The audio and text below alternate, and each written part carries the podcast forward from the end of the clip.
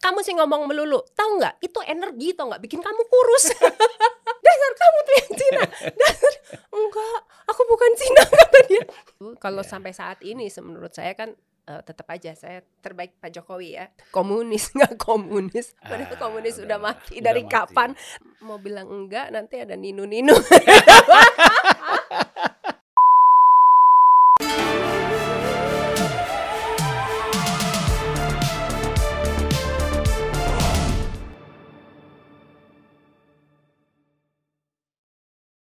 Selamat datang, Mbak Olga. Terima kasih, Kemudian Bang selamat eh, ini sore hari ya Iya. kita eh, bertemu lagi di sini di Unpacking Indonesia Mhm. ya ya bersama saya walaupun kita nggak boleh sok terkenal juga Oh, iya. jadi saya harus nyebut nama saya ini bersama saya Zulfan Lindan kalau Mbak Olga Lydia ini saya kira pasti sudah banyak yang kenal Wah. ya. Apalagi di dalam dunia seni film ya. Kemudian passion dan lain-lain.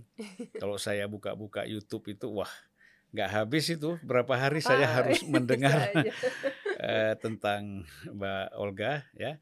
Orang sudah tahu ya Mbak Olga ini sebagai model presenter apa ya sebagai eh, Eh, Sebenarnya kalau kalau dirangkum tuh kerja serabutan, gitu ya segala Eh, dikerjain. ya semuanya dikerjain. Nah kira-kira kita kan pasti walaupun kita ini aktif di kerja serabutan tadi, Iya. ya, tapi kan ada core-nya, Betul. ya, ada intinya di mana sebenarnya eh, yang paling diminati oleh Mbak Olga ini. Ini orang perlu tahu. Iya Wah ya. ini ini ini. Tapi masa nggak ada core-nya kan pasti ada.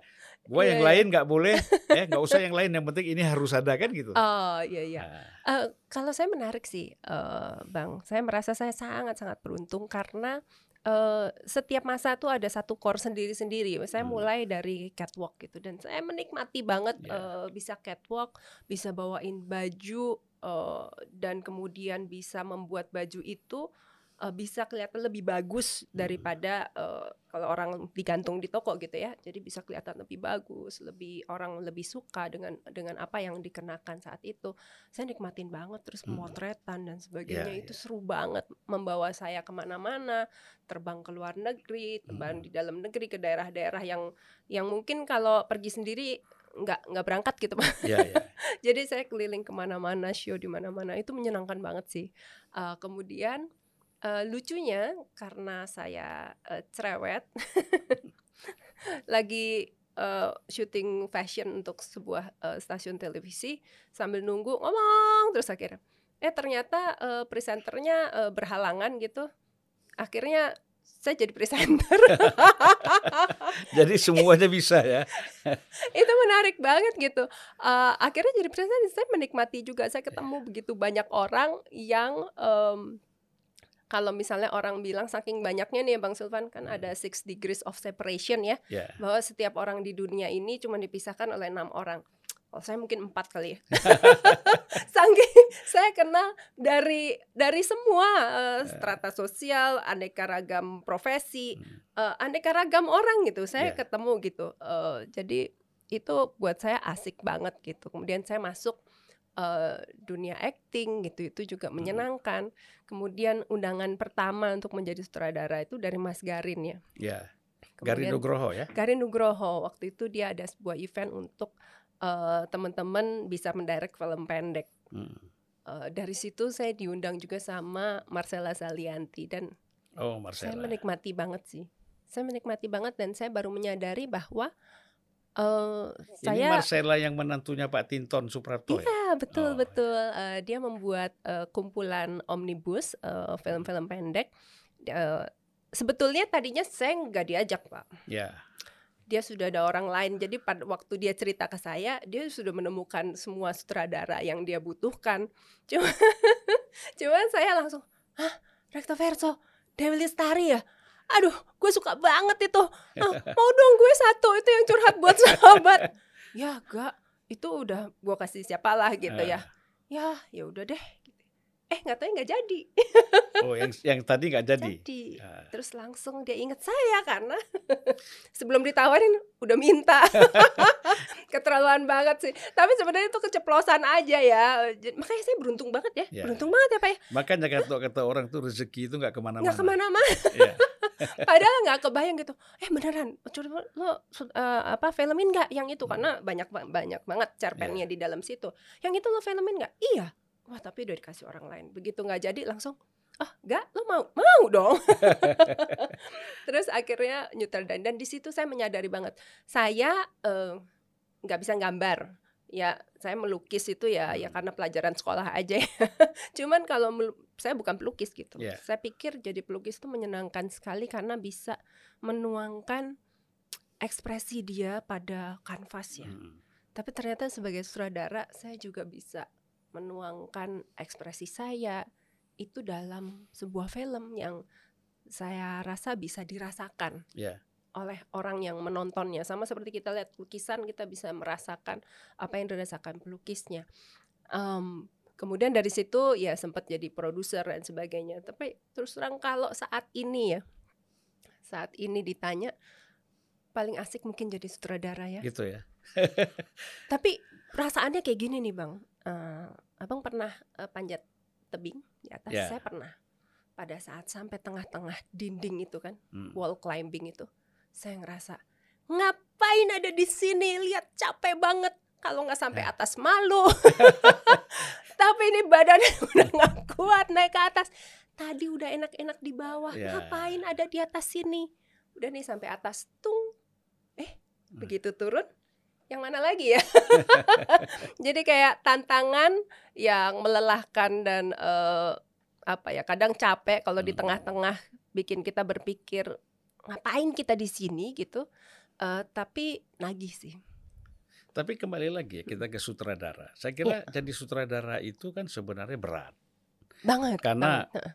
Mesti banyak referensi, Iya, mesti banyak betul. baca buku, betul ya, betul karena harus lebih komprehensif. betul Tidak hanya semata kan mungkin Mbak Olga tidak hanya semata melihat pada eh, sisi perfilmannya saja, Betul, ceritanya betul, saja, betul. tapi kan dukungan-dukungan lain secara komprehensif diperlukan ya. banget banget dan memang harus menguasai eh, banyak bidang juga gitu ya ya. jadi artistiknya juga paling nggak harus tahu Hmm. eh, kameranya juga paling nggak harus tahu kemudian bagaimana cerita itu eh, bergulir eh, sesuai dengan eh, penulisnya tapi juga kalau buat saya Mm. tidak melenceng dari eh, nilai yang saya pegang misalnya jangan sampai film ini yang saya buat itu me, apa ya mengglorifikasi eh, pelaku pelecehan misalnya begitu Ya, ya.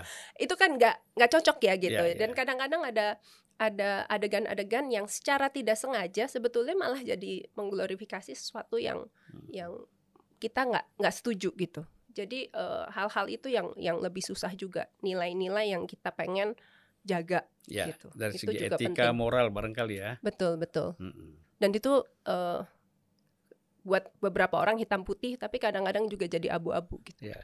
Kalau saya lihat kan Mbak Olga ini backgroundnya ya, se- Iya. bukan ke, bukan sekolah artis, ya, bukan bukan juga lulusan John Robert Power ya, bukan bukan dari apa itu yang di Taman Ismail Marzuki, oh eh, ya IKJ IKJ, ya, dulu namanya LPKJ ya, sekarang iya. IKJ. Tapi kan terjun ke dalam dunia film itu dari sekolah teknik, ya. iya itu saya kira luar biasa lompatannya. Eh, ini gara-gara bapak saya sih Oh gitu ya. Ini ini orang perlu tahu nih cerita gimana nih sekolah teknik. Memang banyak orang teknik kadang-kadang ya iya eh, tidak aktif di dalam apa di dalam profesi yang sesuai dengan Iya. pendidikannya. betul Ah, tetapi tentu ini Mbak Olga ini saya kira luar biasa ya lompatannya dari sekolah yang begitu eksak terus terjun ke dua ke dunia seni yang begitu perlu kelemah lembutan ya kedamaian. Betul, Nah, ya. Kenapa itu?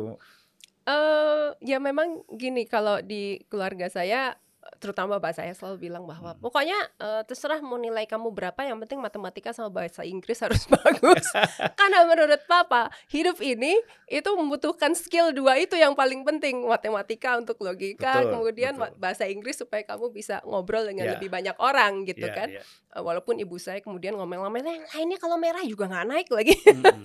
jadi harus belajar juga Eh, terus kedua dia merasa bahwa kalau kuliah itu paling keren harus teknik which is Hmm. Saya nggak selalu setuju ya, Ya, tapi ya. menurut beliau begitulah dia lulusan ITB dan sebagainya. Hmm. Akhirnya ya yang kepikir adalah memang dulu tuh saya seneng eh, ngelihat rumah-rumah yang lucu dan Ya. bagus gitu. Teknik Saya sipil pikir- ya dulu ya. Teknik sipil. Ah. Nah, saya sempat mikir mau masuk arsitek Ya. karena lucu ya kalau saya bisa desain rumah buat eh, orang lain gitu, Ya. menyenangkan sekali gitu. Terus kemudian ibu saya bilang, udahlah kamu pasti nggak nggak telaten gambar-gambar gitu. Padahal saya suka gambar loh pak. Terus Mungkin kemudian waktu kecil dia lihat hasilnya kok jelek kurang ya, kurang. nggak rapi. Iya. Terus akhirnya eh, ya udahlah eh, sipil kan bangun rumah juga. Ya. Jadi masuk sipil lah gitu. Jadi Ya. saya daftar waktu itu ada teknik mesin daftar juga, Hmm. sipil daftar juga. Tapi semuanya teknik lah gitu. Akhirnya saya masuk eh, sipil. Untung di dunia film saya punya teman Joko Anwar itu teknik penerbangan Oh, ITB. Jadi ada juga yang melenceng. Padahal saya masih kecilnya dari dari kecil dari 4 5 tahun tuh Hmm. saya udah senangnya eh, nari. Ya. Kemudian eh ya emang seneng sih dulu tuh kalau ngeliat TV rasanya uh gimana ya rasanya kalau misalnya bisa masuk TV. Cuman kan di keluarga saya karena nggak ada entertainer ya. Itu tuh hobi bukan profesi. Ya, buat ya, mereka itu bukan profesi itu. Itu cuman buat seneng-seneng aja bukan sampingan. bakat juga ya. Iya, mereka nggak beranggapan itu.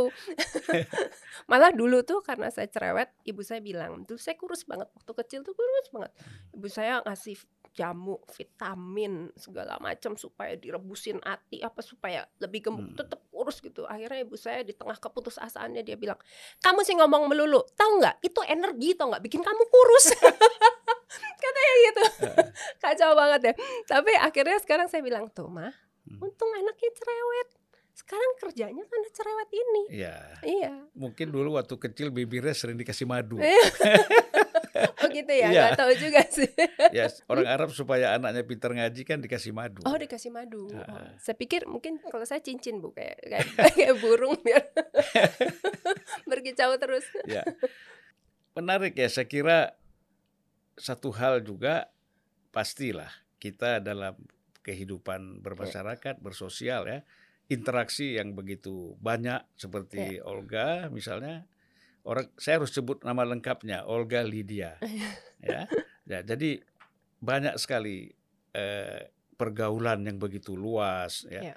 Kemudian apa interaksi sosial yang begitu luas, bukan hanya bicara satu dua ras atau suku, ini udah multi ini. Ya, ya. Eh, Mbak Olga ini kan ayah dan ibu itu dari Tionghoa ya, Betul. kemudian kan eh, dikenal sebagai turunan Tionghoa yang lahir di Indonesia. Nah jadi apakah ada rasa nggak ah gua nih orang Tionghoa nih agak sulah, susah nih bergaul apa gitu? Um, Eh, Kira-kira ada nggak perasaan seperti itu? eh, dulu banget dari saya eh, masih kecil, saya nggak pernah diajarin soal ras ya. Ya, Jadi saya pikir karena saya lahir di Indonesia, tentu saya orang Indonesia. mm-mm. Karena saya lahirnya di Pulau Jawa, ya. Jawa mana? saya eh, saya lahir di Jakarta gitu. Jakarta. Tapi eh, kalau pulang kampung, ibu saya dari Jombang, Hmm. eh, bapak saya itu dari Semarang. Jadi eh, saya suka protes kenapa kalau misalnya ada orang mau pulang kampung bilangnya pulang ke Jawa karena kan Mm-mm. kita di Pulau Jawa Iya, gitu. iya. It's like- Dan saya Mudik- merasa saya orang Jawa gitu kan. Mudik ke Jawa ya? Iya kan orang lahir di Jawa ya namanya orang Oh, Jawa, Jawa, dong iya gitu dong. kan. Udah jadi eh, suatu hari waktu masih kecil itu habis mandi gitu. Saya ingat banget sore itu karena kalau ada sesuatu yang eh, saya nggak tahu jawabannya tuh saya bisa inget terus, inget terus gitu. Saya keluar lagi jalan-jalan di di jalan. Saya Hmm. dulu nakal juga. mandi keluar pagar lihat-lihat gitu. Karena ada satu anak yang eh, datang Mm-mm. terus kemudian dia mulai teriak saya nggak kenal gitu anak itu rambutnya merah gitu kulitnya gelap matanya belok gitu terus dia kemudian teriak Cina terus saya bingung kan Hmm. apa itu tapi sebentar. Ah, Kalau dia menantang, saya menantang juga. ah, Jadi saya tolak pinggang juga sambil berpikir cepat. Apa ya itu? Kalau dibilang jelek kan saya bilang enggak, aku cantik misalnya gitu kan. ah. Kalau dibilang bodoh kan enggak, Ah. aku pinter. Ah. Kalau dibilang Cina, Masa bilang enggak? apa? Iya. Bingung kan? saya bilang enak aja, kamu tuh yang Cina.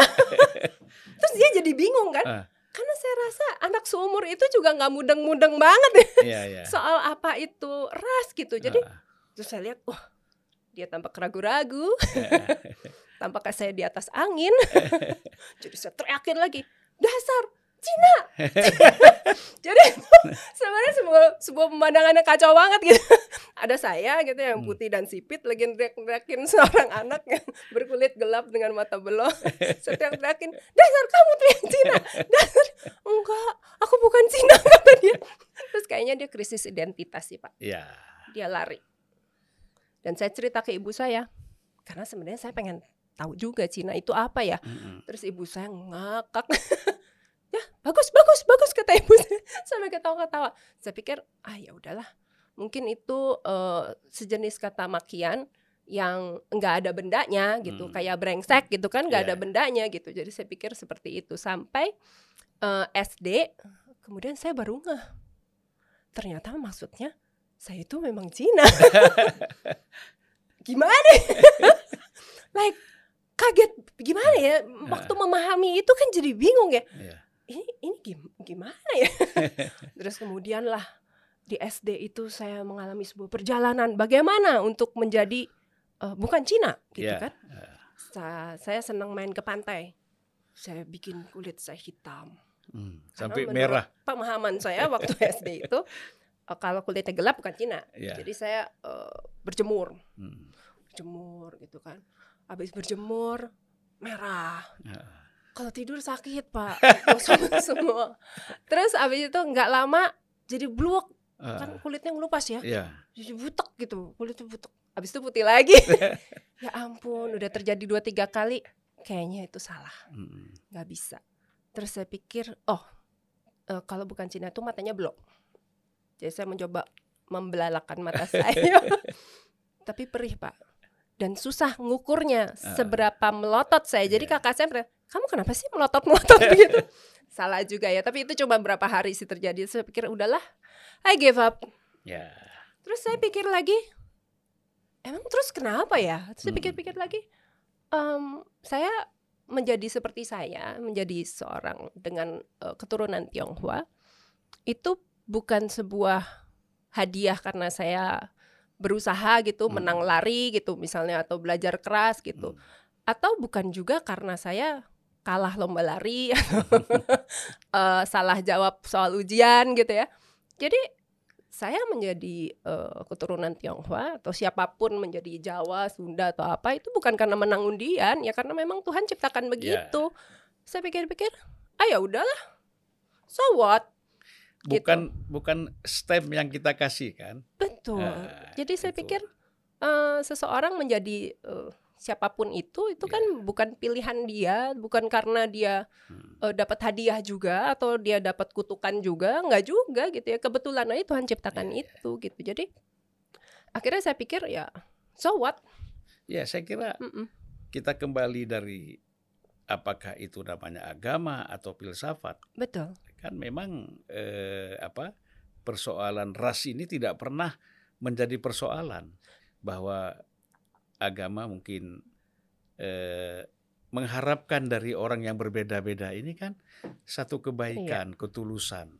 Saya kira itu menjadi keyakinan Mbak Olga lah ya. Iya karena sebuah proses di mana saya eh, men- melihat jati diri saya itu Hmm. Ada ada prosesnya gitu. Prosesnya agak konyol dan panjang gitu. Tapi eh, akhirnya saya sampai pada bahwa I don't care. Karena saya merasa bahwa ya saya diciptakan begini sama Tuhan Hmm. sama seperti saya menghargai orang lain diciptakan oleh Tuhan ya seperti itu gitu. Ya, Eh, tidak lebih tidak kurang. Dia tidak lebih dari saya tidak kurang dari saya sama seperti saya juga gitu. Hmm. Olga, kita kan kira-kira 24 tahun yang lalu ya, yang kita kenal dengan akhirnya lahirlah yang namanya reformasi betul Ya. 98 ya 98. dan kita tahu pada saat itu terus terang saja masyarakat Tionghoa itu kan menjadi korban Betul. ya dan kita tidak tahu juga mengapa bisa menjadi korban dan siapa di balik ini semua kan Ya. kita kadang-kadang tidak Betul. mau bicara itu tetapi perasaan kan pasti Ah itu pada itu saat itu itu em, itu masa yang berat terus terang buat saya. ya Eh, di saat saya eh, punya pandangan yang eh, sangat terbuka terhadap orang Hmm. lain, em, saya menemukan bahwa hampir hampir semua orang yang saya kenal memiliki eh, derajat rasisme yang berbeda-beda. Ada yang berat, ada yang ringan, Ya. ada yang sepoi-sepoi gitu. Dan itu mengagetkan saya sih, Pak. Sangat mengagetkan. Ya. Saya eh, kuliah di sekolah yang sangat eh, plural, yang yang sangat campur-campur waktu itu gitu. masih studi atau sudah Sudah selesai pas di eh, akhir-akhir saya ya. Di selesai Bandung studi ya? di Bandung Hmm. di di Bandung terus em, di mana saya punya teman yang sangat beragam dan saya nggak pernah peduli gitu Eh, saya nggak pernah mempertimbangkan eh, ras dalam membuat keputusan apakah Iya. itu teman grup teman main teman ledek-ledekan atau apa pun itu tuh nggak pernah mempertimbangkan itu dan tapi ternyata hmm, setiap orang tuh hampir semua ya Hmm. punya derajat rasisme yang berbeda-beda dan itu eh, agak memukul saya sebetulnya waktu Ya. itu saya kaget sekali karena eh, yang biasanya mungkin tidak terungkap jadi terungkap juga saat itu Hmm. saya pikir kita punya eh, persoalan yang yang sangat besar sih Ya. bahwa memang eh,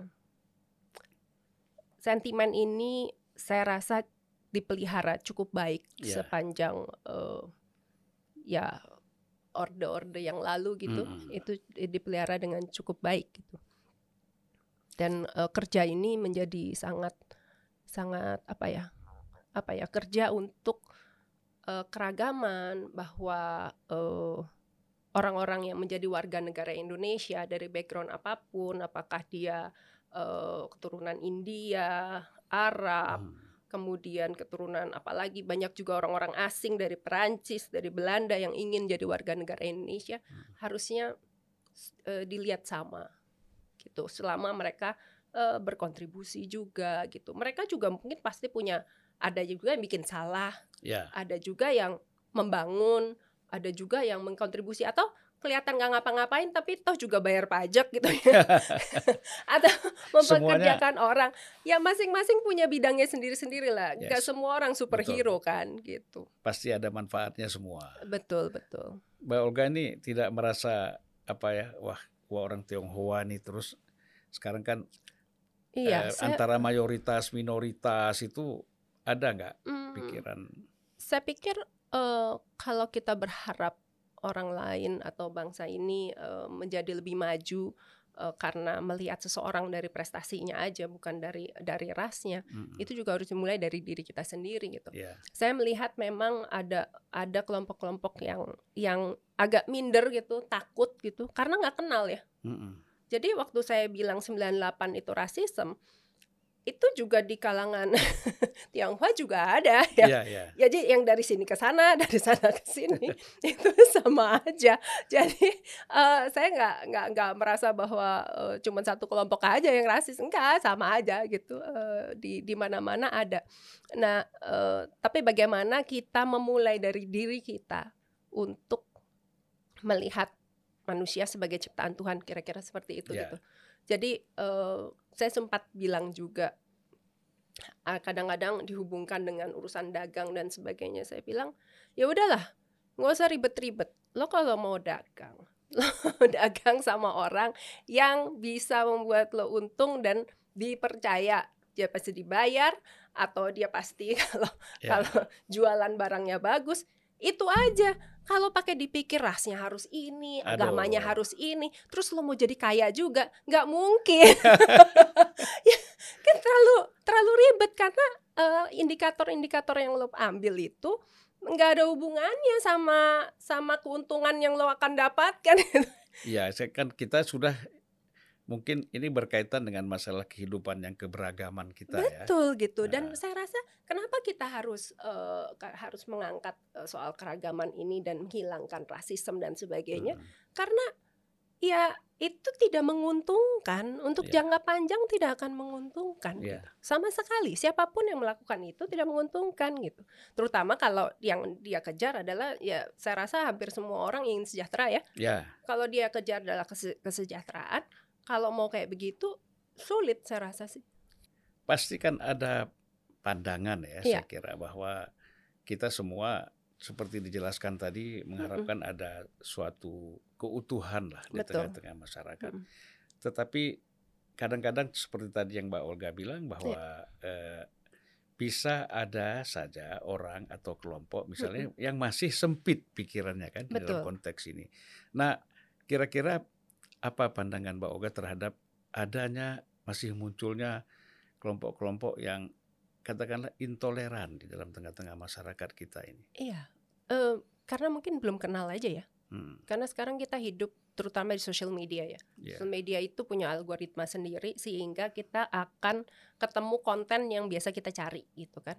Eh, akhirnya kalau misalnya dia intoleran, ya ketemunya sama orang-orang intoleran. Jadi dia Iya. beranggapan seluruh dunia ini intoleran semua karena dia nyarinya itu akhirnya sama algoritma dikasih lah kayak gitu.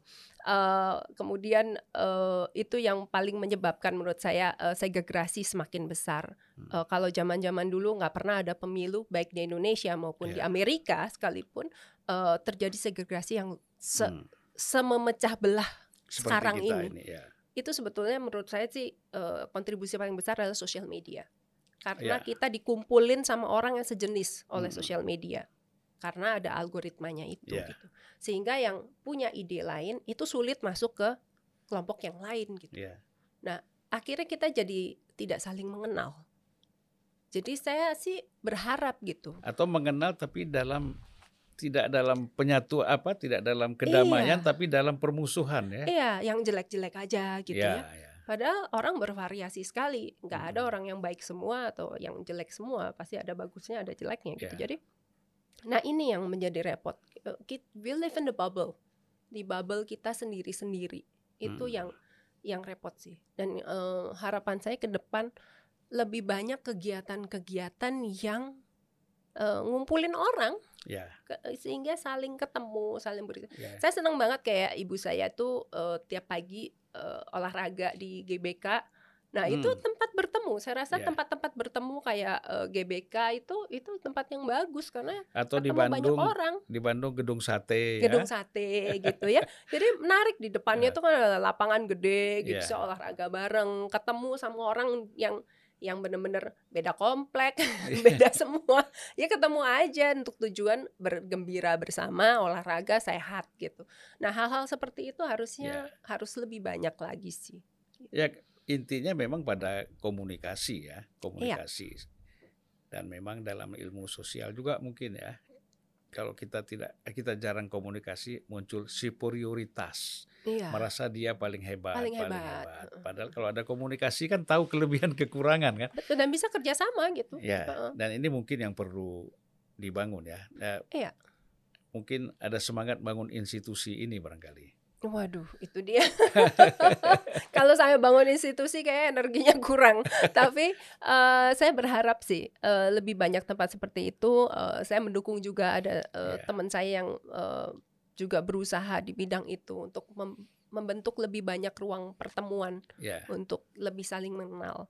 Eh, tidak saja bicara soal eh, turunan Tionghoa dan eh, yang bukan gitu, tapi juga kayak eh, teman-teman dari Papua ketemu sama Ah. teman-teman di Aceh, ketemu sama teman-teman dari Kalimantan Hmm. gitu atau dari Manado dan saling kenal, saling eh, menghilangkan rasa curiga iya. gitu.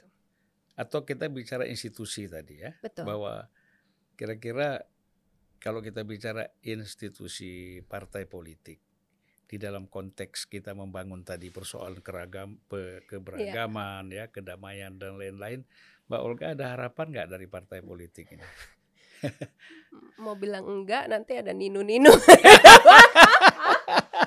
nggak apa kita bebas saja ini kan saya kira eh ninu-ninu nih. kita kan unpacking Indonesia, kita kan harus ungkap ini. Aduh, ya itu seperti tadi saya udah bilang ya, dalam pemilu itu bahkan di Amerika juga itu segregasi itu terjadi justru makin besar gitu. Hmm. Eh, karena alasan-alasan politis gitu. Ya, Ya. gi- ya ya gimana ya? Saat ini memang demokrasi itu adalah yang terbaik di antara semua sistem pemerintahan Ya. yang ada. Ya. Karena kalau ya nggak ada yang lain. Kalau misalnya kita dapat pemimpin yang jelek, kita bisa ya kita tunggu aja ya selesai akhir jabatan kita ganti gitu kan. Atau ada sistem turun di tengah jalan kan? Ya, ya kalau udah Ya. keterlaluan banget bisa Ya, turun di ya. tengah jalan gitu. Tapi eh, eh, ada sebuah sistem yang menurut saya terbaik. Tapi di demokrasi ini juga karena semua orang eh, juga bisa eh, ngomong dan sebagainya gitu. Kadang-kadang jadinya kayak di pemilu yang lalu gitu, banyak yang keluar dari WhatsApp keluarga misalnya. Iya, iya, iya. Karena Waduh. berantemnya sebegitu eh, kerasnya gitu. Ya. Padahal setelah pemilihan juga yang diberantemin juga baik-baik aja gitu kan. Sekarang satu kabinet lagi. Ya. Jadi Ada yang itu, Gimana? ada yang berpisah dari satu tempat tidur, berpisah kamar, ada, ya ada, kan? ada itu Pisah rumah, ruang-ruang pribadi loh. Padahal kenal juga belum tentu gitu ya. Dan Ya. kemudian terbukti selesai dari eh, pemilu itu baik-baik aja yang yang yang diributin seperti itu. Jadi em, ya tentu kita berharap bahwa partai politik ini yang bisa membangun juga eh, eh, apa ker- keragaman, toleransi, kemudian kita bisa maju bersama gitu. Tapi juga kita melihat bahwa seperti pisau bermata dua gitu. Hmm. Jadi bisa juga melakukan eh, destruksi yang yang luar biasa gitu. Jadi orang itu kayak seperti tadi dikumpulkan oleh media sosial ya. Saya kira sikap emosi yang Iya. tadi disampaikan ini kan juga kita melihat karena pengaruh media sosial ya, yang menciptakan emosi orang, orang bersikap terhadap Iya, Sangat. sesuatu ya. sangat sangat Ya. karena itu eh, bubble deh teman-temannya dia ya ya Hmm. yang ngomong eh, sejenis gitu. Si A itu jelek. Iya iya kan. Uh, tuh kan gini kan. Lihat tuh itu bajunya lah sepatu Hmm. yang nggak ada hubungannya sama bagaimana nanti dia memerintah misalnya nanti gitu kan. Sampai jenggotnya jadi masalah. semua semua bisa di, bisa dibahas yang sebenarnya nggak ada hubungannya. Ya, kalau dia memerintah itu nggak ada hubungannya ada gitu. hubungannya. itulah. Jadi eh, memang eh, politik identitas men- ini disebutnya politik loh bang. Ya, ya nggak apa-apa. tandanya hubungannya dengan politik, Iya. politik identitas. Iya. Itu kan sering banget eh, di, dimainkan gitu dari Iya. zaman Belanda sih, cuman dulu nggak ada sosmed, jadi masih Betul. lumayan. ha. Dulu kan nggak ada sosmed pun kita ingat pemilu-pemilu 73 ya. iya, sempat terjadi konflik antara pendukung P3 sama betul, Golkar itu betul, kan. betul, ya, luar betul, biasa. betul. Ya, Mbak Olga, kita ini sudah bicara dunia seni ya. Iya. Kemudian kita sudah masuk kepada dunia politik. Jadi Mbak Olga sendiri ini nggak ada minat sama sekali ya terjun ke dalam Dunia politik, Wala- Walaupun sekarang sebenarnya kalau saya lihat justru substansi politik itu itu sudah dijalankan oleh pribadinya Iya. Mbak Olga. Tetapi yang saya maksud itu misalnya apakah eh, aktif di salah satu partai politik, apa ada Iya. minat seperti itu? eh, mohon maaf nih bang, untuk satu hal ini saya tidak konsisten. Gitu tidak ya. konsistennya dalam hal ini. Dulu waktu tahun 2004 kali saya udah ditawarin kali masuk partai politik. Saya bilang enggak ah ngapain males banget nanti aja deh. Partai apa tuh yang ditawarin? Adalah kalau diiyain boleh Enggak, diumumin kalau kalau- karena kalau- saya enggak nggak enak lah. Begini, kalau Nasdem sudah pernah nawarin ditolak, kan saya nggak mungkin nawarin lagi. Oh, jangan jangan itu eh, kalau cowok yang ditolak jangan disebutin gitu. Eh, Eh, ini sama juga berlaku pada partai juga. gitu ya. Kan saya nggak mau waktu itu, saya Ya. nggak mau. Terus saya pikir ah mungkin 2019 kali ya, boleh juga. Saya udah matang juga Eh, masuk pas, pas 2019 saya udah enek banget, saya mau, males banget. Tapi di lain pihak saya juga selalu bilang bahwa em, bagaimana orang yang eh, apa ya, yang yang bagus, yang eh, niat, yang punya visi kebangsaan dan keragaman, ayolah masuk DPR. Terus saya dimarahin waktu itu, ya lu sendiri nggak masuk. Eh, aku tuh masih suka ini dunia film, jadi aku males ke sana. Eh, ya itu di situlah saya tidak konsisten gitu. Ya, Tapi ya. saya mendorong orang-orang, mudah-mudahan semakin banyak orang yang bagus eh, saya sempat sampaikan juga eh, waktu itu eh, saya sampaikan bahwa saya senang ada anggota DPR yang menyampaikan kepada masyarakat eh, berapa pendapatan yang dia terima. Hmm. Itu gede banget, gede Iya, iya, banget iya. gitu ya. Eh ya secara gaji mungkin biasa aja, tapi tunjangannya ada berapa banyak bang? Ada Ya, saya, banyak banget. saya kan pernah anggota DPR. Betul, ya. ada tunjangan macam-macam, Ya. koran apa Eh, tunjang semua. Sebenarnya kalau dari segi gaji dan tunjangan itu saya kira sebulan pun tidak sampai 100. Ah, Nah, ini kan kadang-kadang begini, Heeh. ada uang reses. ah ya. tiap Dua bulan setengah sekali ya itu ada uang Betul. reses misalnya. Heeh. Nah, uang itu kan harusnya dikembalikan kepada rakyat, kepada konstituen. Oh. Tapi kalau orang yang tidak aktif tidak mau kembali kepada konstituennya, nggak ada yang ngecek juga. nggak ada yang ngecek juga. Akhirnya itu dianggap gaji pendapatan. Oh. Padahal itu hak rakyat. Oh. Nah, jadi kalau gaji yang sesungguhnya 100 lah paling tinggi oh, 100 dengan ya. tunjangan-tunjangan segala macam itu. Ah, ya ya nah, ya. ya. Jangan juga kalau perjalanan ke luar negeri misalnya itu dimasukkan dalam gaji misalnya. ah, ya, itu ya, kan ya, harus ya. beli- itu lain lagi. lain lagi. Nah, gitu. Kalau yang itu disebut itu masuk semua itu nggak boleh. Ya, ya. Ya. Nah, tapi pada intinya gini, Pak. Eh, katakan gaji 100 sebulan. Itu kan setara dengan eh, seseorang yang memegang tanggung jawab cukup besar di kalau di Ya. perusahaan di luar Ya, gitu ya. loh. Eh, perusahaan swasta maksud saya. Nah, saya berharap orang-orang yang eh, punya kelas Ya. dengan gaji 100 juta sebulan itu yang Dengan yang fasilitas. dengan fasilitas dan sebagainya itu itulah yang kemudian Ya. masuk ke DPR gitu dan saya yakin karena eh, di perusahaan swasta itu masuknya juga susah kecuali perusahaan bapaknya. Jadi kan masuknya susah ada seleksi udah terbukti di perusahaan ini berhasil berhasil berhasil.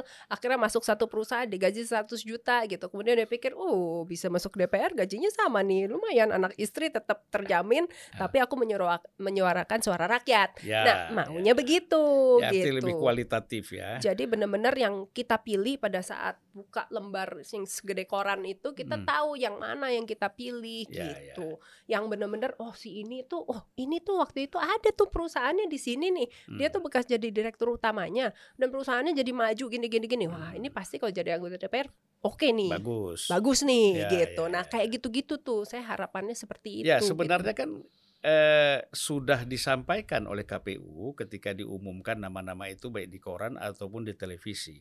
Tapi Ya. orang kadang-kadang kurang perhatian ya untuk Hmm, juga sih Pak. Eh, kalau DPR agak lumayan sih Pak. Tapi Hmm. kalau udah DPRD Oh ya. dan DPRD 2 itu Ah. saya nggak tahu. Kalau di Jakarta nggak ada DPRD 2 ya, ada Ya. DPRD 1 aja. Itu pun sudah susah sekali mencarinya. Apalagi DPRD 2 saya nggak tahu deh. Belum punya pengalaman milihnya. Cuman saya rasa pasti akan jauh lebih sulit lagi. Ya oke, kalau gitu apa sarannya kepada KPU sebagai penyelenggara negara dalam konteks eh, kita lebih memperkenalkan calon anggota DPR ini kepada masyarakat?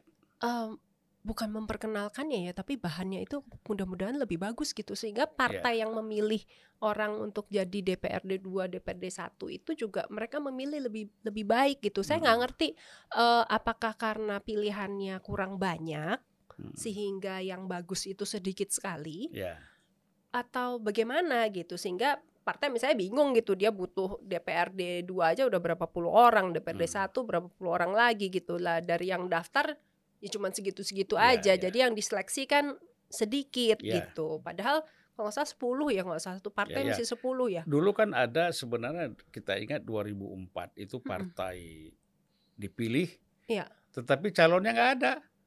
Nah iya Nah, jadi akhirnya persentasenya menjadi kurang ya. iya Itu iya, saya iya. kira pernah terjadi apa yang Pernah terjadi dikhawatirkan juga itu. gitu. Ya. Nah, saya pikir itu yang yang yang lebih penting mudah-mudahan partai-partai itu bisa mendapatkan eh, kader-kader yang Kader. bagus Iya. gitu loh.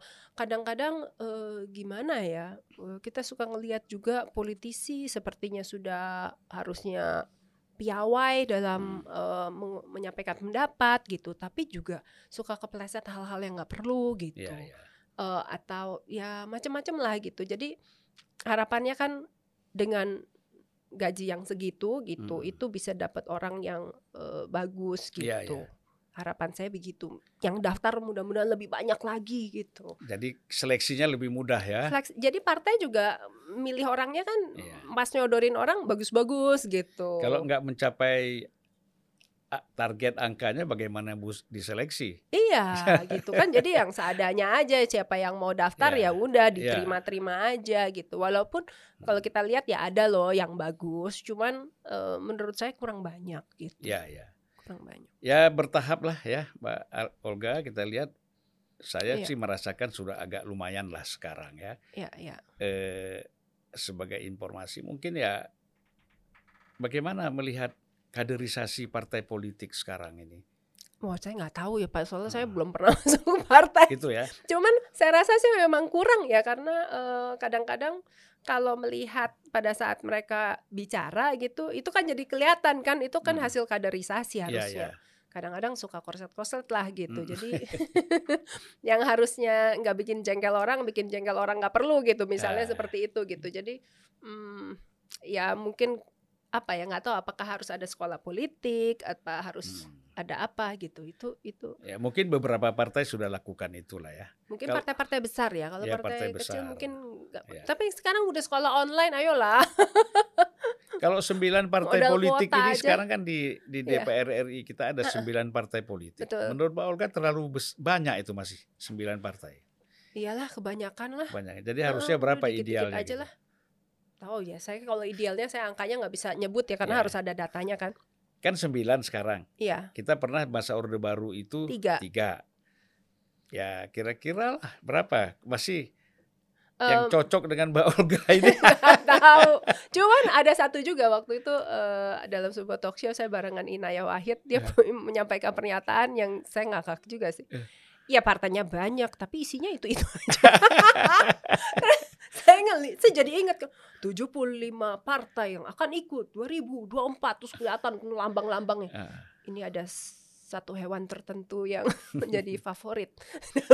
ya. Ini apakah orangnya sama semua ya? Kenapa lambangnya mirip-mirip gitu? Ada Ya. yang tampak samping, tampak depan, ada yang sketch, ada yang berwarna.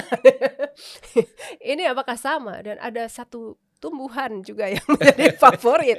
Di situ ada yang macam-macam warna, ukuran, bentuk. Jadi Mbak Olga, aduh. saya kan mencoba Iya. memahami gitu ya. Iya. Eh, ya ada salah satu partai seperti PSI, Partai Anak Muda itu kan Mm-mm. Mbak Olga relatif ya, tidak Iya. dekat sekali tapi relatif eh, dekat dengan mereka. Apakah memang ada melihat kira-kira visi eh, mereka-mereka yang tergabung di partai ini mempunyai harapan ke depan gitu?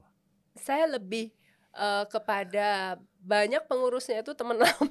Oh, Jadi eh, kenal kenal udah lama aja gitu. Iya. Mungkin eh, hitungannya bukan belasan tahun tapi udah puluh.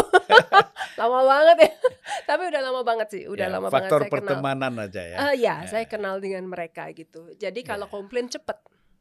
Lalu kecenderungan pada pemilu 2019 dulu eh, Olga ini banyak ini ya, banyak untuk ya katakanlah pasti kita ada pilihan kan. Iya. Pilihan kayaknya jatuh kepada Pak Jokowi ya. Ya, dari Akhir- 2014 sih. Sebenarnya Ah. lebih capek 2014 sih, Pak. Ya. Daripada 2019. 2019 koalisinya udah banyak jadi saya istirahat. 2014 yang capek banget. Ini apa lebih pada eh, apa respect kepada figurnya Pak Jokowi gitu? Iya, saya Hmm. sangat respect kepada beliau Ya. dan eh, sampai sekarang eh, di di walaupun tentunya tidak ada satupun yang sempurna khususnya dalam sistem yang kita miliki sekarang, Mm-mm. eh, saya tidak pernah kecewa sih. Saya tidak pernah menyesal, tidak pernah kecewa mendukung Ya. beliau karena saya melihat eh, begitu banyak perubahan untuk banyak orang. Sesuatu yang tidak bisa saya lakukan sampai kapan pun saya nggak bisa melakukan apa Ya. yang beliau lakukan. Tapi eh, saya senang banget bahwa beliau bisa memimpin Indonesia, bisa akhirnya setelah puluhan tahun bikin jalan tol sepanjang Jawa aja susah banget akhirnya jadi juga hal yang sangat sederhana tapi nggak jadi-jadi dan baru jadi pada saat eh, Pak eh, Jokowi gitu Ya. jadi eh, seneng banget saya lihat banyak eh, rel kereta api yang sebenarnya Mm-mm. kalau dibilang apakah idenya itu sangat-sangat luar biasa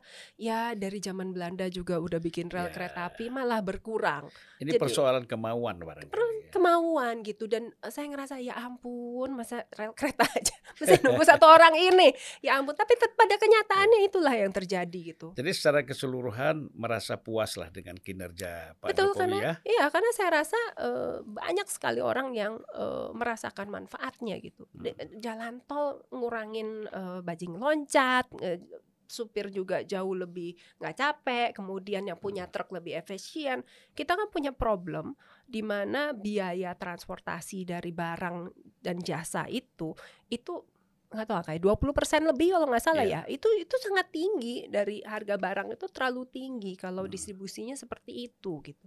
Dan eh, nggak ada yang diuntungkan juga. Ya, kecuali kalau margin segede gitu ada yang untung nggak ada yang untung juga gitu that is inefisiensi yang kita bayar setiap hari setiap kita membeli barang bayangkan dengan adanya jalan tol ya bisa lebih murah Dan- gitu harus melihatnya ke depan betul ya. Betul. Kalau sekarang biaya jalan tol itu satu kilometernya eh, 130 miliar.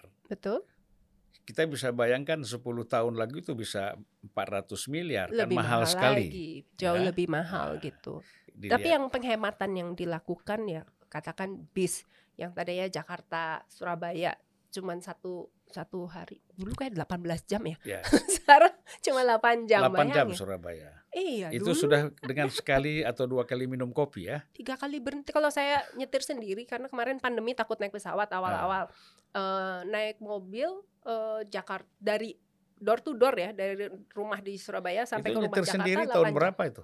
Ah, pas pandemi ini Eh, jadi tahun Ya. 2001 lah 2001 Berarti setelah dua- 2017 ya. iya iya Ya 2000. berarti tidak sendiri lagi nyetirnya sudah Ah, ya, ada.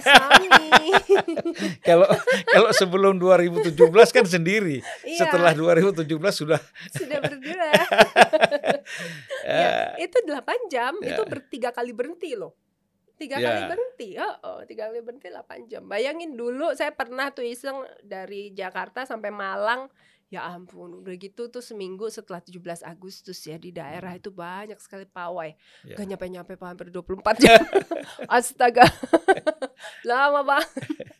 Sampai Kemarin Kucel. kan juga eh, mudik kemarin kemacetan juga relatif bagus ya, Padahal, aman ya. Iya, padahal saya nggak pernah bisa membayangkan bahwa mudik Lebaran di mana berjuta-juta mobil keluar dalam waktu bersamaan bisa nggak macet loh. Mm. Ini ternyata bisa gitu. Iya. Kebayang nggak sih? Itu menurut saya sih ya suka tidak suka gitu dinikmati banyak orang dan Iya. dirasakan banyak orang gitu. Ya itu kan apresiasi kepada Polri ya, Ya. kepada Menteri Perhubungan, Betul. juga kepada operator jalan tol. Jalan tol ya. ya. Saya harus sebut terutama kalau bicara Jagorawi dan Cikampek itu jasa marga Jasa ya. marga ya.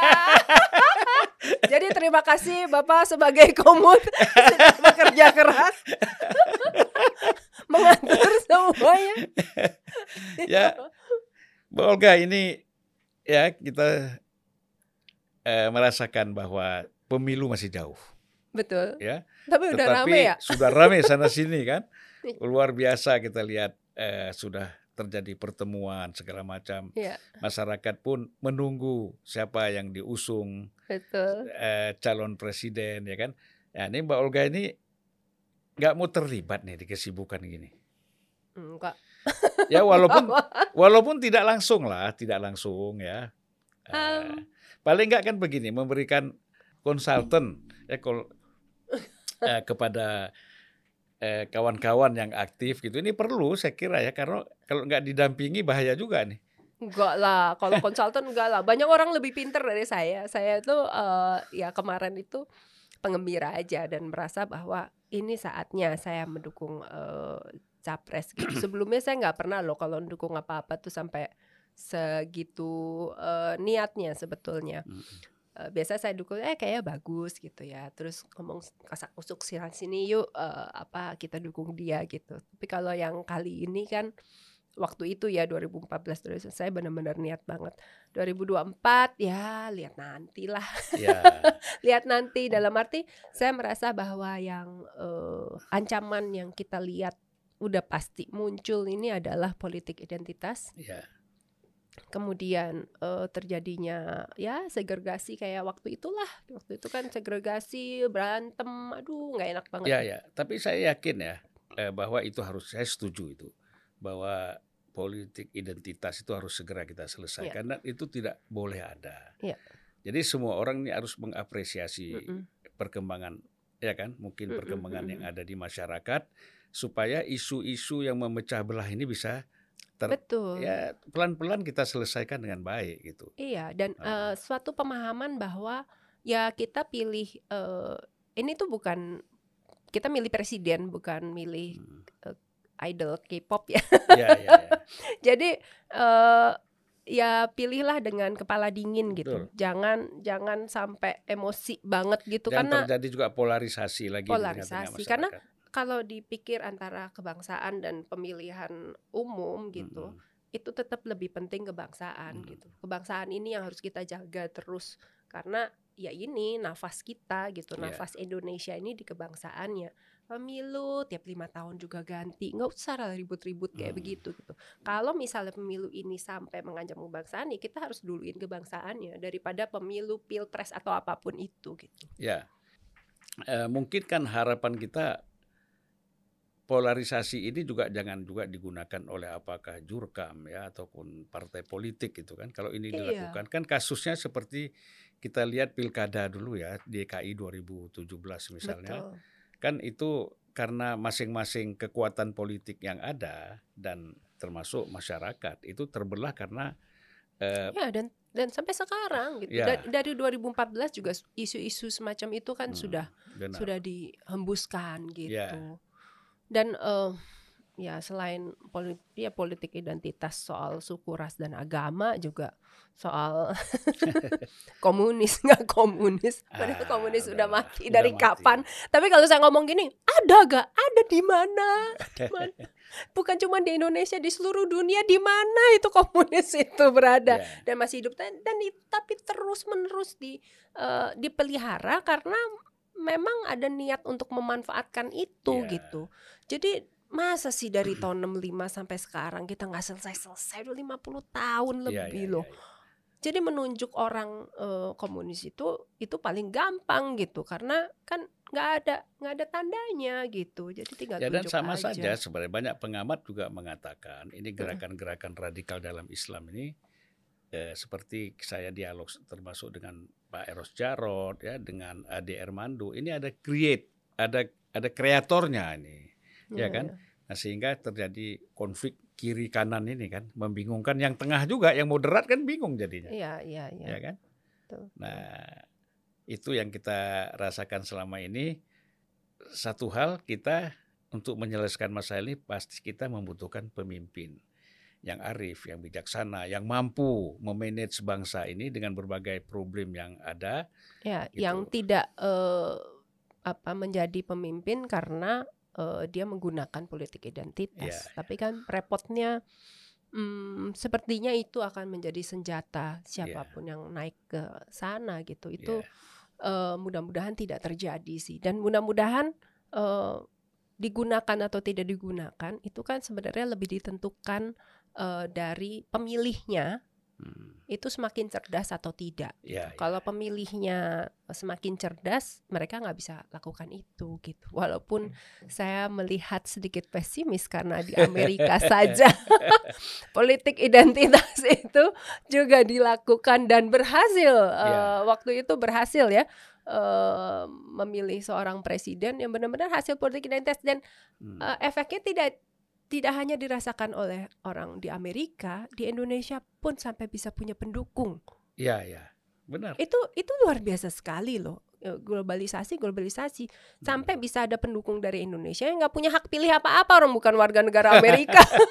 Termasuk yang di sana lebih repot lagi. Iya, gitu. Jadi ya gitulah eh, itu sepertinya tren dunia dan eh, karena itu tren dunia dan itu akan terjadi tahun 2024 saya berharap semua orang bersiap-siap eh, untuk sedapat mungkin mengurangi Ya, eh, hal soal politik ya identitas. kerusakan yang akan terjadi itu kita semua harus sama-sama kerja keras untuk mengurangi karena Iya. kalau dibilang semoga tidak terjadi seperti agak terlalu naif Itu sih pasti akan terjadi Kita tidak bisa 2024. mengukur pasti lah ya, kira-kira gitu. Kalau saya rasa sih pasti sih Pak. Bukan maksudnya, Heeh. maksud saya Oh, tidak me- bisa mengur- pasti kerusakannya seperti Ah, apa ya. gitu. Tapi bagaimanapun juga dari sekarang nih karena ributnya udah dari sekarang kita harus ancang-ancang ya, bagaimana caranya untuk mengurangi sedapat mungkin kerusakan yang Seminimal terjadi mungkin ya. seminimal mungkin karena Oke. itu bisa dipastikan terjadi sih. kita ini kalau sehari-hari kita lihat di Ya. media TV, media sosial, Mm-mm. ini kan seperti sudah eh, terbentuk ya, Ya. berdasarkan hasil survei, survei misalnya ada tiga calon, yaitu Pak Prabowo, Pak Ganjar, Mm-mm. kemudian Pak Anies Baswedan.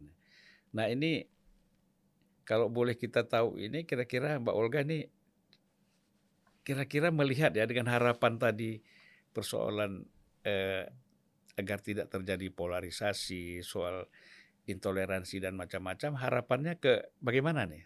Kira-kira tipe pemimpin presiden yang ke depan tuh seperti apa yang diharapkan? Ya yang eh, diharapkan ya pastinya eh, orang yang bisa membawa perubahan bagi banyak orang gitu. Kalau Ya. sampai saat ini menurut saya kan eh, tetap aja saya terbaik Pak Jokowi ya. Jadi eh, mudah-mudahan yang bisa meneruskan visinya Pak Jokowi gitu. Ya. Itu aja. Siapa pun yang menjadi pemimpin, ayolah lanjutkan jangan eh, kemudian berhenti terus bikin program baru karena merasa bahwa saya harus punya program sendiri dong gitu. Hmm. Jadi eh, seperti kebanyakan yang terjadi di institusi-institusi lain, baik itu mengganti program, mengganti logo, ganti apa. Tapi ayolah gitu. Kalau memang program yang benar-benar bagus, ayolah lanjutin gitu. Ya.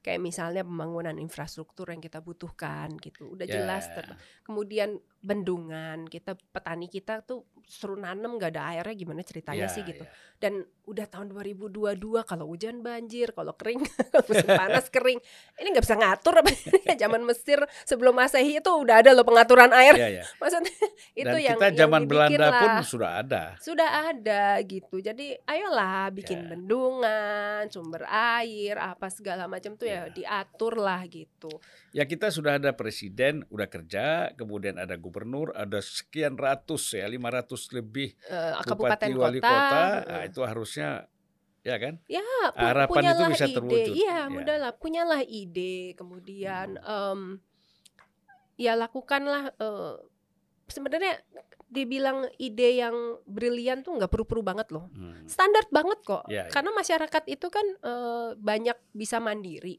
Yang nggak perlu mandiri apakah nggak mungkin bikin rumah sakit misalnya Ya. nggak mungkin bikin puskesmas ya itu Hmm. sediain supaya masyarakatnya sehat sambil disuruh olahraga gitu supaya sehat terus kemudian eh, ini juga salah satu kritik saya pak kenapa Kementerian Olahraga hanya ngurusin atlet sih pak nggak mengolahragakan masyarakat gitu kalau dulu kan katanya mengolahragakan masyarakat supaya sehat gitu Ya. kalau kita lihat di negeri Cina tuh orangnya suka olahraga. Kalau kita lihat di Amerika dulu zamannya Michelle Obama, dia ke Hmm. sekolah-sekolah memastikan makanannya sehat dan anak-anaknya olahraga ya. supaya tidak terjadi obesitas.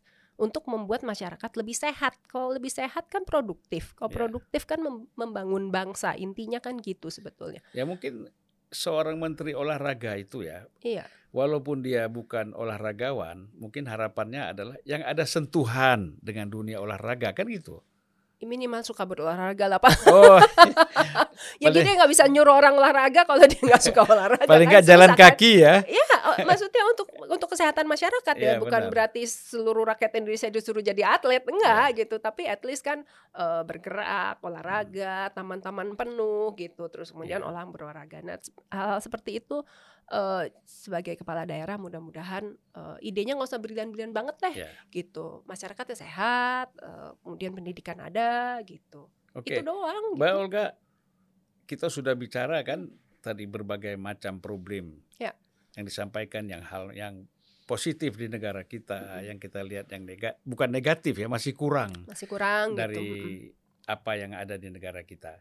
Nah pasti kalau kita kumpulkan itu semua kan kita punya mimpi ya, Mbak Mm-mm. Olga mungkin punya mimpi Indonesia itu seperti apa sih gitu ke depan itu yang diinginkan Mm. gitu. Hmm. Eh, saya berharap Indonesia lebih maju, lebih Iya. eh, pemerintahannya lebih fokus dalam eh, apa ya mengurus rakyatnya. Eh terus terang kemarin waktu saya kena COVID saya ini Iya. loh, saya baru pertama Covid yang kali mana nih? Covid versi terbaru Omicron. Omicron ya. Nah itu saya baru kali itu seumur umur jadi warga negara dan bayar pajak merasa diurus sama negara karena Wah. kurang dari 24 jam saya dikirimin obat Ya. saya terharu sekali mudah-mudahan ya mudah-mudahan ke depan pemerintah lebih memperhatikan Ya. rakyatnya seperti itu gitu ya walaupun saya mikir ya ampun siapa yang bayar obatnya mahal begini cuman saya terharu banget lah di, di, di- diurusin seperti Ya. itu dan mudah-mudahan ke depan gitu ya eh, itu bisa menjangkau seluruh rakyat Indonesia eh, ya lebih sejahtera, lebih sehat lah gitu. Kemudian eh, kalau mau merubah nasib bisa, itu kan salah bagian dari kebebasan ya Mm-mm. hak asasi manusia. Kalau dia mau berubah nasib, dia eh, bisa menyekolahkan anaknya. Ya. Kemudian eh, ya anaknya bisa lebih pinter, bisa punya pekerjaan-pekerjaan lain gitu. Eh, dua itu yang paling penting dan tentunya untuk berusaha butuh transportasi yang baik dan Ya. mumpuni sehingga eh, pergerakan barang dan jasa itu jauh lebih murah dan lebih eh, gampang gitu. Itu aja sih Ya, sebetulnya. Dan tadi sebetulnya ada satu lagi sih. Ah. Sebenarnya sebutin ya ya. nggak apa-apa lah. Hmm, saya berharap semua BUMN dijual aja. maaf Pak Komut, maaf. Bukan komut, wakomut. Wakomut, aduh Eh. maaf ya Pak ya. Tapi kan kalau swasta Bapak tetap jadi wakomut nggak apa-apa, boleh juga. ya mungkin eh, di Amerika pun di beberapa negara itu Iya. sektor-sektor publik ya yang Iya. memang itu merupakan as- eh, sektor yang eh, semua orang hidupnya bergantung Ya itu kepada boleh sektor lah. itu tuh boleh. seperti telekomunikasi, Ya, air, komunikasi nggak perlu lah Pak, udah Nah. jual aja itu. Yang perlu tuh listrik, oke lah air, oke itu benar-benar penting banget. Ya udah jasa marga juga boleh lah Pak. Loh, kalau itu temen kalau kalau dijual jalan tol kita gimana makanya ya boleh lah gitu. Ya. Tapi yang lain-lain udah jual aja lah. Ya. kan ada persaingan bebas juga gitu udah jual aja gitu karena karena gini loh negara itu itu Hmm. mindsetnya adalah bagaimana menghabiskan APBN APBD untuk kesejahteraan rakyatnya nah Hmm. kalau namanya PT itu kan cari untung itu kan Ya. ber- ber- bertolak belakang satu jadi Hmm. memang core-nya nggak di situ kedua dalam setiap perusahaan yang ada di Indonesia pemerintah tuh udah punya saham Hmm. berapa 30% pajak kan udah ada Hmm. mau dia kalau untung dapat duit nggak untung nggak perlu nombok masa kurang sih? Hmm. gitu. Nggak perlu repot nggak usah ribut nggak usah apa. Urusan BUMN ini waduh demi nasionalisme harus diselamatkan gitu. Ya udahlah jual aja. Rugi ya udah jual aja. Kalau saya sih begitu ya. Kalau menurut saya eh, karena memang eh, core-nya pemerintah tuh harusnya bukan untuk cari untung. Dan Iya, iya. BUMN itu adalah untuk cari untung gitu. Kecuali kalau pelayanan publik gitu kayak PLN Iya, gitu iya, iya. boleh lah. Itu yang lain-lain sih kita sampaikan Out ini aja. pembicaraan kan pasti kita harapkan Pak Jokowi, Pak Ya. Erik ya, menteri-menteri itu mendengar saran dari Olga gitu kan. Nah, ini kan Semua ada sa- apa dengan Olga saran dari warga negara dia warga ter- negara terbaik yang ya punya lah yang terbaik punya- lah banyak yang- lebih baik dari saya lah yang punya perhatian kepada kehidupan cuman bangsa se- dan sebuah negara. pemikiran aja gitu karena eh, sebel juga tiap kali dengar ada eh, BUMN misalnya oh butuh suntikan dana butuh suntikan dana gitu Hmm. maksud saya ya memang kita keahliannya nggak di situ gitu kadang kalau kita melihat perusahaan sejenis gitu yang swasta dan punya pemerintah eh, ya ya memang keahliannya nggak di situ nggak salah Ya, ya. juga nggak salah juga dan mungkin nggak berlaku untuk semua BUMN tapi saya rasa sebagian besar itu udah nggak ketanganan sih banyak banget loh kita Ya. ada Tapi ratusan kan sekarang sudah mulai ada restrukturisasi ya, mulai dari dulu kan 140 berkurang berkurang berkurang Iya, ya terus. udah BUMN kurang dari 10 Ya karena lah. memang kalau dulu itu kan BUMN ini menjadi alat bagi kepentingan-kepentingan politik ya. Tapi kalau sekarang kan itu relatif sudah bisa dikurangi. Gitu. Iya, dan Nah, tapi kadang-kadang juga karena kebetulan aja ngambil dari Belanda kan. Jadi Hmm. banyak juga BUMN yang bentuknya aneh-aneh juga yang sebenarnya ya. yang ya ampun apaan sih ini kok punya pemerintah juga. Ngapain dia di sini gitu kan. ya. Jadi kayak kayak hal-hal seperti itu kan nggak perlu udah Ya. dilepas aja gitu. atau pemerintah ada sahamnya kecil aja lah, kasih swasta yang besar gitu. Udah Pak sahamnya dalam bentuk pajak Pak, udah jelas Pak. Gitu ya? Itu pasti ada dan yang paling gampang, paling enak itu adalah ya kadang-kadang perusahaan belum untungnya udah bayar pajak. Jadi Iya kan? ambil kewajibannya aja ya. ambil kewajibannya aja ambil pajekin aja dan nggak perlu ada uh, kekhawatiran harus suntik dana harus apa nggak perlu gitu Ya. Ya BUMN kurang dari 10 cukup lah gitu. Apalagi sekarang ada BUMD lagi. Aduh di di pusat aja udah susah apalagi di daerah. Jadi udahlah. Loh, bukannya BUMD kan sekarang ada BUMDes itu yang perusahaan BUMDes, desa. iya desa. Nah itu saya juga Ah. bingung kenapa harus BUMDes? Kenapa nggak bentuknya koperasi aja dimiliki oleh rakyat desa Ah. itu kemudian bayar profesional untuk ngejalaninnya gitu Iya. bentuknya kenapa nggak koperasi aja gitu kenapa harus eh, dalam bentuk seperti itu Hmm. gitu sehingga nanti jadi kadang-kadang dipakai buat politik juga jadi repot pak Iya. Ya kita mungkin melihat negara tetangga kita kan, Mbak Olga juga sendiri pernah saya dengar sendiri berpendapat bahwa seperti negara tetangga kita. Mungkin kalau Singapura itu terlalu jauh, tapi kita lihat Malaysia kan. Jauh sedikit lebih maju dari kita ya. Ya. Nah kira-kira eh, bagaimana pandangan Mbak Olga tentang kita lihat ini? Kita lihat Thailand juga. Em, kalau dari situ saya selalu bilang bahwa eh, mereka mungkin lebih kaya, tapi kita lebih demokratis. Habis gimana dong? Demi Indonesia. Iya. Jadi kita lebih demokratis. Eh, kalau Malaysia lebih maju, em, saya melihat rasisme juga gede di sana. Jadi eh, mohon maaf teman-teman di Malaysia, Eh, tapi eh, segregasinya juga juga berat gitu. Jadi saya pikir hmm, dalam beberapa hal mereka maju, tapi beberapa hal kita juga lebih maju gitu. Ya, itu sih ya. eh, saya pikir begitu. Kalau soal kesejahteraan, kayaknya sekarang Indonesia makin lama makin maju sih Pak. Kalau lawan sama Malaysia aja sih, kayaknya kita oke lah. Kalau kita terus di di jalan yang ini ya, yang yang Dulu kan ini, kita, kalau ke Malaysia bengong-bengong lihat monorel ya, Iya. lihat lihat jalan tol. Tapi Iya, sekarang iya. kan relatif udah sama kan. Udah sama lah, jalan tol udah di mana-mana dulu Iya. kayaknya ya cuma di situ-situ aja jalan tol. Kalau sekarang kan udah di mana-mana gitu. Iya. Jadi saya pikir kalau sama Malaysia ya oke lah, Iya. oke lah. Kita kita kita ada di eh, jalan yang eh, di track yang benar Hmm. gitu. Kalau kita terus di sini, saya rasa sih kita akan jauh lebih maju gitu karena masyarakatnya lebih beragam dan walaupun di tengah eh, kisruh, nah ini mudah-mudahan politik identitas nggak terlalu mengganggu sehingga kita eh, mundur ke belakang menjadi negara yang eh, ter- terkotak-kotak gitu. Karena susah maju, bukan kenapa-napa nanti ujungnya semua orang akan kena juga gitu. Ya, saya lihat gitu ya ada mungkin ini satu harapan ya bahwa pertemuan-pertemuan para ketua umum partai Ya. itu pertama memang semangatnya untuk betul-betul eh, meniadakan lagi politik identitas itu ya. Ya. Kemudian yang kedua persoalan eh, isu-isu yang sangat mengganggu itu harus segera di ini. Nah, mudah-mudahan ini tidak terbatas hanya di dalam statement tetapi bisa diwujudkan ya kan. Nah. Bagaimana Mbak Olga melihat yakin nggak dengan kesepakatan-sepakatan pimpinan partai yang sudah disampaikan itu? Iya. 2024 masih lama, masih dua Iya. tahun, banyak hal yang bisa terjadi dan eh, yang di atas sama yang di bawah kan belum tentu Hmm, eh, sama ya, sejalan. sejalan, Heeh, ya. Jadi jadi tetap aja buat saya kita semua harus berjaga-jaga eh, bagaimana mengurangi eh, kerusakan yang akan Iya. terjadi setelah eh, pemilu nanti 2024. Jadi sampai saat ini sikap Mbak Olga politik yes, partai politik no. Hmm, politik ya oke lah. Jadi nggak yes juga. Iya, Ya oke lah. Karena mau nggak mau ya Ya. hajat hidup kita terpengaruh oleh politik. Ya, Jadi ya. sebetulnya politik ya udahlah karena kepaksa. Tapi partai enggak lah gitu. Saya Gitu ya. eh, ingin eh, Tapi kalau kas- jadi konsultan politik saya boleh dong. Aduh Pak, saya belajar sama Bapak, Mas. Saya Loh, mau, enggak. mau kasih konsultasi apa? Ada hal-hal yang memang saya perlu belajar. Ah ya, ya kan? enggak lah.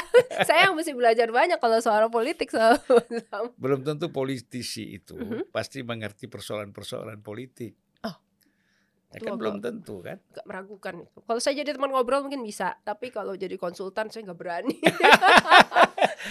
Iya. yang ada siapa yang ngajarin siapa nih? Oke Mbak Olga kita Iya. mungkin sudah hampir satu jam saya kira kita Iya. ngobrol nggak terasa ya saya juga Iya. apa eh, asik pembicaraan ini uh, waktu memang membatasi kita.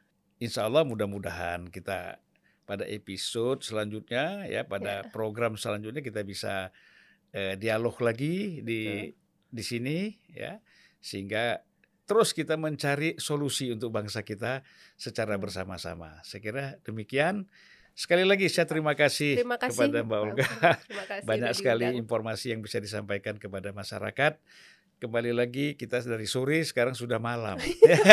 malam. Iya, udah gelap. Terima kasih Bang Sulham, terima kasih semua.